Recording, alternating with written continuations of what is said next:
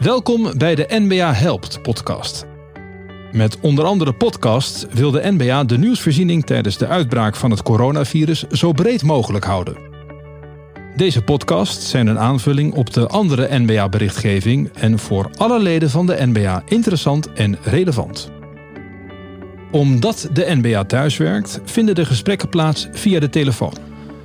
Vandaag spreekt NBA-manager externe communicatie Lucas Burgering met fiscaal jurist Dennis Heimink van Duits Fiscalisten. Dennis, goedemiddag. Goedemiddag. Ehm, dit is de elfde NBA Helpt podcast. En voor de elfde keer begin ik ook met dezelfde vraag. Hoe gaat het met je? Het gaat bij mij uh, persoonlijk uh, erg goed, uh, Lucas, dankjewel. Ook met de mensen om me heen. We verkeren allemaal gelukkig in, in goede gezondheid. in het werk is het wel wat, wat anders geworden, maar dat, ja, dat geldt voor iedereen natuurlijk. Werk je thuis of werk je vooral op kantoor? Ik werk vooral op kantoor en de collega's zijn vooral thuis. En dat maakt ook dat dat ook wel heel erg anders is geworden. Je, je mist even het snelle contact, het korte praatje, even de afstemming. Ja, en het contact met de klanten misschien ook. Dat zal ook veel meer telefonisch zijn. Ja, meer telefonisch. En de eerste twee weken uh, was het uh, nou bijna stil op kantoor. Want oh. wij werken voor heel veel administratie- en accountantskantoren. Ja, en die waren natuurlijk heel druk met hun klanten, met alle maatregelen en alles wat er verder op hen afkwam. En de ondernemers waarvoor we werken, ja, die hadden wel even iets anders aan hun hoofd dan een belletje met de belastingadviseur. En dacht je die eerste twee weken, oei, dit gaat helemaal mis? Nee, nee, nee. Ik heb niet zo snel stress. Nee hoor. Vooral, vooral zorg voor een aantal klanten die, uh, die toch wel in een moeilijke positie kwamen. En waar je dan wel even contact mee hebt. Maar ook daar hoorde ik al redelijk snel wel wat, uh, ja, wat positieve geluiden. In de zin van gelatenheid. En we zien wel wat er gebeurt. We kunnen er toch iets aan doen. En als ondernemer alweer aan het kijken naar, uh, naar nieuwe kansen die zich voordoen. Dat hoort ook bij ondernemerschap, hè? Dat je zoekt naar nieuwe kansen in je in je, ja. in je werkveld. Ja. ja, ik vind het wel mooi in ons vak, hè, dat je dan weer verhalen hoort van ondernemers die iets nieuws hebben bedacht. Ja, ja mooi. En Dennis, jij schreef op de site van Duits Fiscalisten een blog die mijn aandacht trok. Uh, die blog die heet Lessen uit de crisis, voorkom fiscale flaters. En daarin noem je vijf veel voorkomende fiscale flaters. En die wil ik in deze podcast dus met je langs. Maar eerst, um, hoe kwam je eigenlijk op het idee om dat lijstje te maken? Is dat zo hard nodig? Nou, of dat zo hard nodig is, dat valt natuurlijk nog te bezien. Hè? Dat kun je achteraf goed beoordelen. Maar ik moest eraan denken, omdat um, de eerste berichten die kwamen hè, in, in, de media... van nou ja, er gaan bedrijven omvallen, er komen bedrijven in zwaar weer. Uh, toen dacht ik, denk, ja, dat is eigenlijk hetzelfde wat we hebben gezien... een jaar of tien geleden in de financiële crisis. En uh, als belastingadviseur ja, was ik natuurlijk bij, bij de start, maar ook toen de boel weer een beetje tot leven kwam, betrokken. En uh, ja, dan kom je bij bedrijven aan tafel en denk je, ach, dat is eigenlijk nou niet helemaal handig gegaan. En toen dacht ik, nou, met de kennis van toen uh, kan ik misschien nu wel mensen uh, op het goede pad houden of brengen of van fiscale flaters weghouden. Ja, want je, je, schrijft in die blog ook over de, de financiële, zeg maar de bankencrisis, hè, nu zo'n tien jaar geleden. Mm -hmm. Zie je ook parallellen in jouw werkveld tussen die crisis en de huidige coronacrisis? Dat is, dat is nog even afwachten, want het ligt natuurlijk aan hoe bedrijven eruit gaan komen. Uh, zullen er zijn, want er zijn uh, natuurlijk nu al bedrijven die failliet gaan of die in, ja, in zwaar weer terechtkomen en echter weer zullen moeten opkrabbelen. En daar gaan we natuurlijk hetzelfde beeld zien als in 2010, 2011. En toen ze uit de financiële crisis kwamen. Ja. Er, is wel, er is wel een verschil, denk ik, want er zijn ook bedrijven die als gevolg van de coronamaatregelen uh, juist nu hele grote winsten aan het behalen zijn. Uh, dus ja, die, die, die ervan profiteren, zeg maar. Ja, ja, ja, ja, ze kunnen er ook niets aan doen, maar het overkomt ze. Dus dat is wel anders. Ja, dat, dat, is, dat, is, dat is begrijpelijk. Uh, plus dat we natuurlijk van deze crisis uh, denken en hopen dat dit heel tijdelijk is. En toen ja. dachten we veel meer aan een systeemcrisis. Hè? Ja, ja. Dus ook een groot verschil. Ja, ja zeker zeker. Maar goed, dan, zeg, dan moeten we nog wel even afwachten. Want dit kans is natuurlijk nog wel voortslepen. En dan, uh, ja, dan gaan we toch wel meer parallellen zien, ben ik bang. Ja, begrijp ik. Nou, laten we eens naar die vijf uh, flaters uh, uit jouw blog gaan kijken. De eerste die heet Voorkom belastingheffing. Nou, dat lijkt me een uitstekend idee dat we geen belastingen hebben. Ehm, maar dat bedoel je denk ik niet, hè? Nou ja, ehm, wat je ziet is als een bedrijf gewoon goede resultaten behaalt, de ondernemer vooral bezig is met kijken naar de toekomst, nieuwe kansen, productontwikkeling, ja, nieuwe branches benaderen. En dat gebeurde natuurlijk de afgelopen twee, drie jaar ook. Het ging best wel goed met de economie in Nederland. En uh, het risico bestaat dat je als ondernemer nu niet opeens want het is als een, als een blad aan de boom in één keer verandert. Uh, aan het kijken bent hoe ga ik met mijn bedrijf in de toekomst verder. Maar dat je vergeet te kijken naar 2019 of er wat minder aandacht voor hebt. En um, ja, 2019 moeten veel bedrijven fiscaal nog afsluiten. En dan is het wel een mooi moment om eens te kijken van uh, ja, zijn er nog zaken waarmee ik de belastingheffing kan uh, beperken. En waarom noem ik dat voorkom belastingheffing? Ja, als je in 2019 winst maakt en je maakt in 2020 winst en in 2021, ja, dan heeft het niet zoveel zin om te schuiven met, uh, met, met belastingheffing, om te kijken naar of de zaken misschien op een later moment belast kunnen worden of verliezen naar voren te halen. Uh, de enige die daar blij van wordt is degene die je facturen kan sturen. Dat is vaak je fiscalist of je accountant. Ja, nu heeft dat wel ehm, zin. Dus ja, vandaar mijn opmerking. Ik zag bij veel bedrijven in 2010, 2011 dat ze zeiden: ja, we wisten eigenlijk drie jaar geleden al dat we die vordering nooit konden innen. Maar ja, nu gaan we hem afwaarderen, maar nu valt hij een andere verlies en hebben we er geen profijt meer van dus dat is mijn boodschap. Kijk daar nu goed naar. Want als je nu die verliezen kunt nemen in 19, dan uh, profiteer je nog van het feit dat je in dat jaar uh, winsten hebt. En dan voorkomt het dus acute belastingheffing. Dat geldt vooral voor ondernemers, uh, voor wie geldt dat ze door de coronacrisis een heel andere uh, winstpositie hebben dan in 2019. Bijvoorbeeld ja. horeca of kappers of ja. uh, reisondernemers. daarvoor ja. zal dat heel nadrukkelijk gelden. Ja, er is een, um, de, door de overheid de coronareserve aangekondigd. Met eromheen nog wat contouren. Die staat nog niet in de wet. Hè. We weten niet precies hoe het eruit gaat zien. En die biedt ook de mogelijkheid om het verlies dat je in 2020 verwacht dus dat is sowieso natuurlijk al interessant. Om het alvast te nemen in uh, eh, 2019. Door het vormen van een, uh, van een fiscale reserve.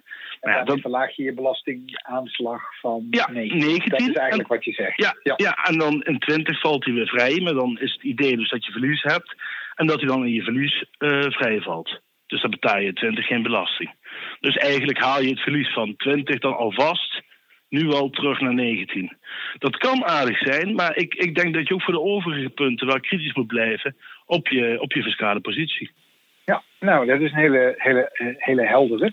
Ja. Uh, de, de tweede en de uh, derde tip die je hebt, of later die je noemt, die zijn misschien een beetje aan elkaar gekoppeld. Uh, de tweede luidt: neem afscheid van het gebruikelijk loon.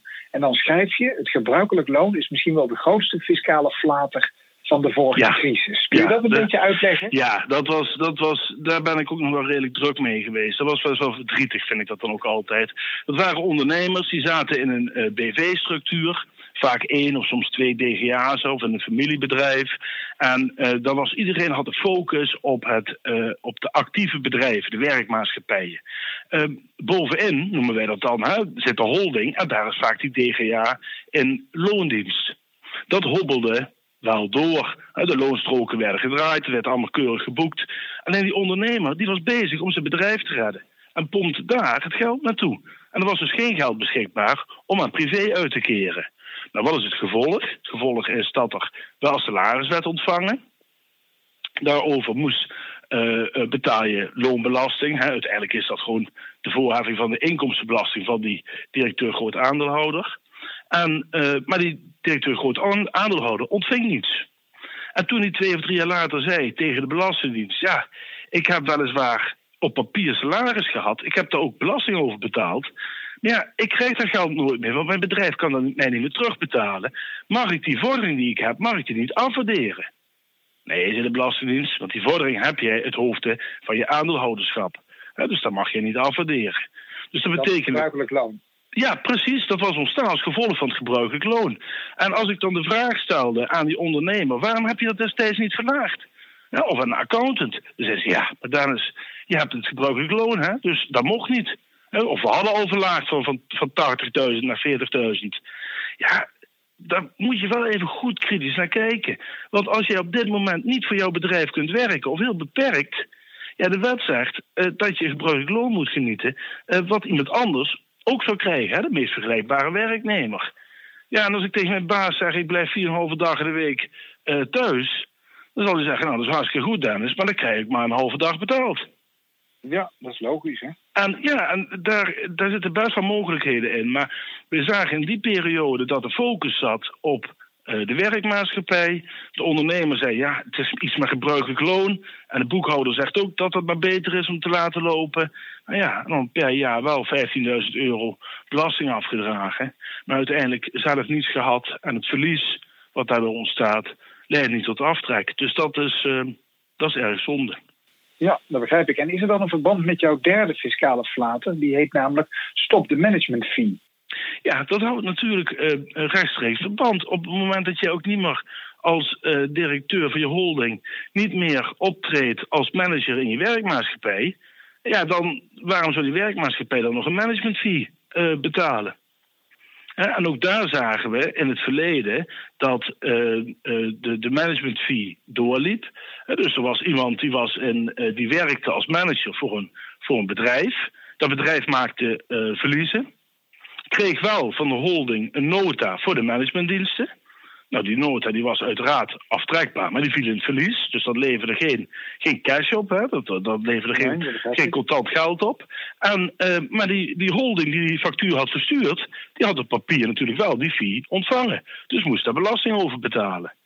Nou ja, geen aftrek in de werkmaatschappij, wel uh, vennootschapsbelasting in de holding.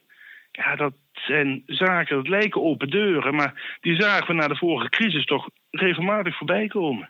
En dat zijn ook dingen waar je misschien niet 1, 2, 3 aan denkt, omdat je, zoals je net al aangaf, als ondernemer vooral heel erg bezig bent met het redden van je bedrijf. Ja, ja, ja. En, va en vaak loopt dat met betalingen. Dus ik, ik heb nu al de eerste ondernemers gehad die mij belden en die zeiden: Ja, je kunt er alles voor vinden, Dennis, maar ik heb de betaling van de management fee uh, stopgezet. Dan zeg ik, ja, dat is goed dat je stopzet. Dat vind ik geen probleem. Maar maak ook even staan een contractje waarin je zet dat je ook niet meer hoeft te betalen. Hè? En overleg even met je accountant dat hij dus ook de boekingen stopzet. En dat je die betalingen stopt, dat snap ik. En dat je jezelf geen salaris meer uitkeert, dat begrijp ik ook. Maar er zit een juridische werkelijkheid achter die straks wel in je fiscale aangifte komt. Dus regel dat. dat. geregeld worden. Ja. Dus het is niet alleen het stopzetten van de betalingen, het is ook met name het, uh, het borgen van de, uh, uh, de, contracten en de afspraken die ja. er allemaal achter zitten. En dat hoeft allemaal niet heel ingewikkeld, dat we er heel erg druk mee zijn. Maar je moet er wel even iets aan doen. Ja, en dan gaan we eens even kijken naar de vierde uh, fiscale flater. En die uh, mm-hmm. zal ook veel uh, ondernemers en ook accountants natuurlijk erg bekend voorkomen. En dat heeft te maken met aansprakelijkheid. Ja. Wat is daar precies de flater die jij herkent? Nou ja, dus, er zijn er verschillende. Uh, want het vervelende met aansprakelijkheid is, is dat, dat kom je pas tegen op het moment dat het ergens anders, vaak bij een leverancier of een handelspartner, uh, van je fout gaat. En de meeste accountants die kennen wel uh, de inlenersaansprakelijkheid of de ketenaansprakelijkheid. Vaak op het moment als het slecht gaat of minder goed gaat met de economie, dan ben je daar weer eens kritisch op. Dan zeg je, wat zijn wij eigenlijk aan het doen? Lopen we risico uh, op aansprakelijkheid vanuit uh, die kant? Moeten we daar iets aan doen op dit moment? Nou ja, dat was natuurlijk tot een paar maanden geleden en niet in orde. Het ging gewoon hartstikke goed. Dus dat betekent dat je daar nu wel weer tegenaan kunt lopen. En ja, als je de laatste jaren wat minder aandacht hebt gegeven en een, een leverancier hè, gaat van je gaat failliet, dan kan het zijn dat jij opdraait voor de belastingheffing. Bijvoorbeeld bij inleningsaansprakelijkheid. Ja, dus en dat is eigenlijk vooral kijk je uh, lopende contracten, je lopende afspraken goed na. Hoe heb je het geregeld? Gaat het om ja. ja, ja, ja, ja gaat, gaat, het ook zo als je het met elkaar had afgesproken? En dat, uh, uh, ja, dat is dan wel eens vergeten als het goed gaat. Als het slecht gaat, zijn we ons allemaal bewust. Gaat het minder, dan zijn we daar kritisch op. Ja, de vijfde fiscale flater die ik in jouw blog heb gevonden, uh, Dennis, die heet Schoon onderlinge schulden en vorderingen op. Ja. Uh, ja. Dat is ook een hele. Nou ja, dat is ook een hele uh, klassieke. Uh, waar uh, ondernemers nogal verdrietig van worden. Zeker als het helemaal fout gaat. En ik, ik noem dat altijd maar. Dan staat de curator van de werkmaatschappij in één keer bij moeders de vrouw aan de achterdeur. Want wat gebeurt er dan? Um, een bedrijf heeft winst gemaakt. Um, en besluit om het geld, wederom het geld alleen van de bankrekening over te maken aan de holding. Nou, de holding is daarmee eens. Dus zelfs met de DGA nog meer. Dus die zegt, joh, maak dat geld maar naar mij over. En we gaan de formaliteit nog wel een keer regelen. dus het geld is naar privé, maar er is geen dividendaangifte gedaan. Er is geen uh, uh, dividendbesluit geweest of andere redenen. Dus de werkmaatschappij heeft een vordering op de holding en de holding heeft een vordering op uh, de DGA privé. Nou ja, als je dan in één keer zo'n uh, zoiets krijgt als corona en je, uh, ja, je bent gedwongen om de werkmaatschappij failliet te laten gaan, ja, dan kan de curator zeggen, nou dan ga ik die vordering op de holding ga ik in. En dan, nou, die holding heeft natuurlijk ook niets meer, dus dan gaat hij ook failliet. En dan zegt de curator, zegt, hé, hey, er staat een vordering op privé. Nou, dan ga ik die vordering in. En dat is wel heel jammer, want je had nu net die BV-structuur opgezet om dit soort risico's uit te sluiten. Aha, dus het, het, hebben van onderlinge schulden, dat betekent dus een, bijvoorbeeld een DGA die schulden of vorderingen heeft op zijn eigen uh, BV. Dat moet je in tijden waarin het allemaal wat onzekerder is, moet je zorgen dat je dat zoveel mogelijk opschoont. Als je nu de jaarstukken 19 gaat afsluiten, kijk daar gewoon even goed naar. En dat hoeft allemaal niet heel ingewikkeld, maar dat kun je echt wel oplossen. En je ziet het ook bij zusjes, hè? twee werkmaatschappijen, eentje gaat er goed, eentje gaat er slecht. En het verleden was dat andersom. En zo'n maatschappij ja, moet failliet gaan of anders saneren. Ja, en dan staat er een vordering op de gezonde maatschappij. Ja, dat is toch wel jammer. Ja, dus dat kun je vaak uh, in een groep oplossen. Um, volgens mij vind je het eigenlijk ook best een hele interessante tijd die we nu meemaken. Als ik dit zo allemaal aanhoor. Ja, maar het fiscale vak is hartstikke mooi. Dus wat voor tijd we hebben maakt dan niet zoveel uit. Als het heel goed gaat of heel slecht. Ja, het is als het heel goed gaat is leuker, want dan lacht iedereen. En ja, als het opeens heel slecht gaat, dan, uh, dan is er wat meer verdriet. Maar dan kun je als belastingadviseur toch wel weer enige troost bieden. En soms zelfs een kleine glimlach creëren. Nou, op dat laatste, uh, daar twijfel ik niet aan als ik jou zo hoor, Dennis. Ik wil je heel hartelijk bedanken voor je toelichting en jouw medewerking aan deze NBA Helpt podcast. En uh, ik hoop dat de goede gezondheid waarover je aan het begin van dit verhaal vertelde, dat die nog lang doorgaat voor jou en al jouw medewerkers.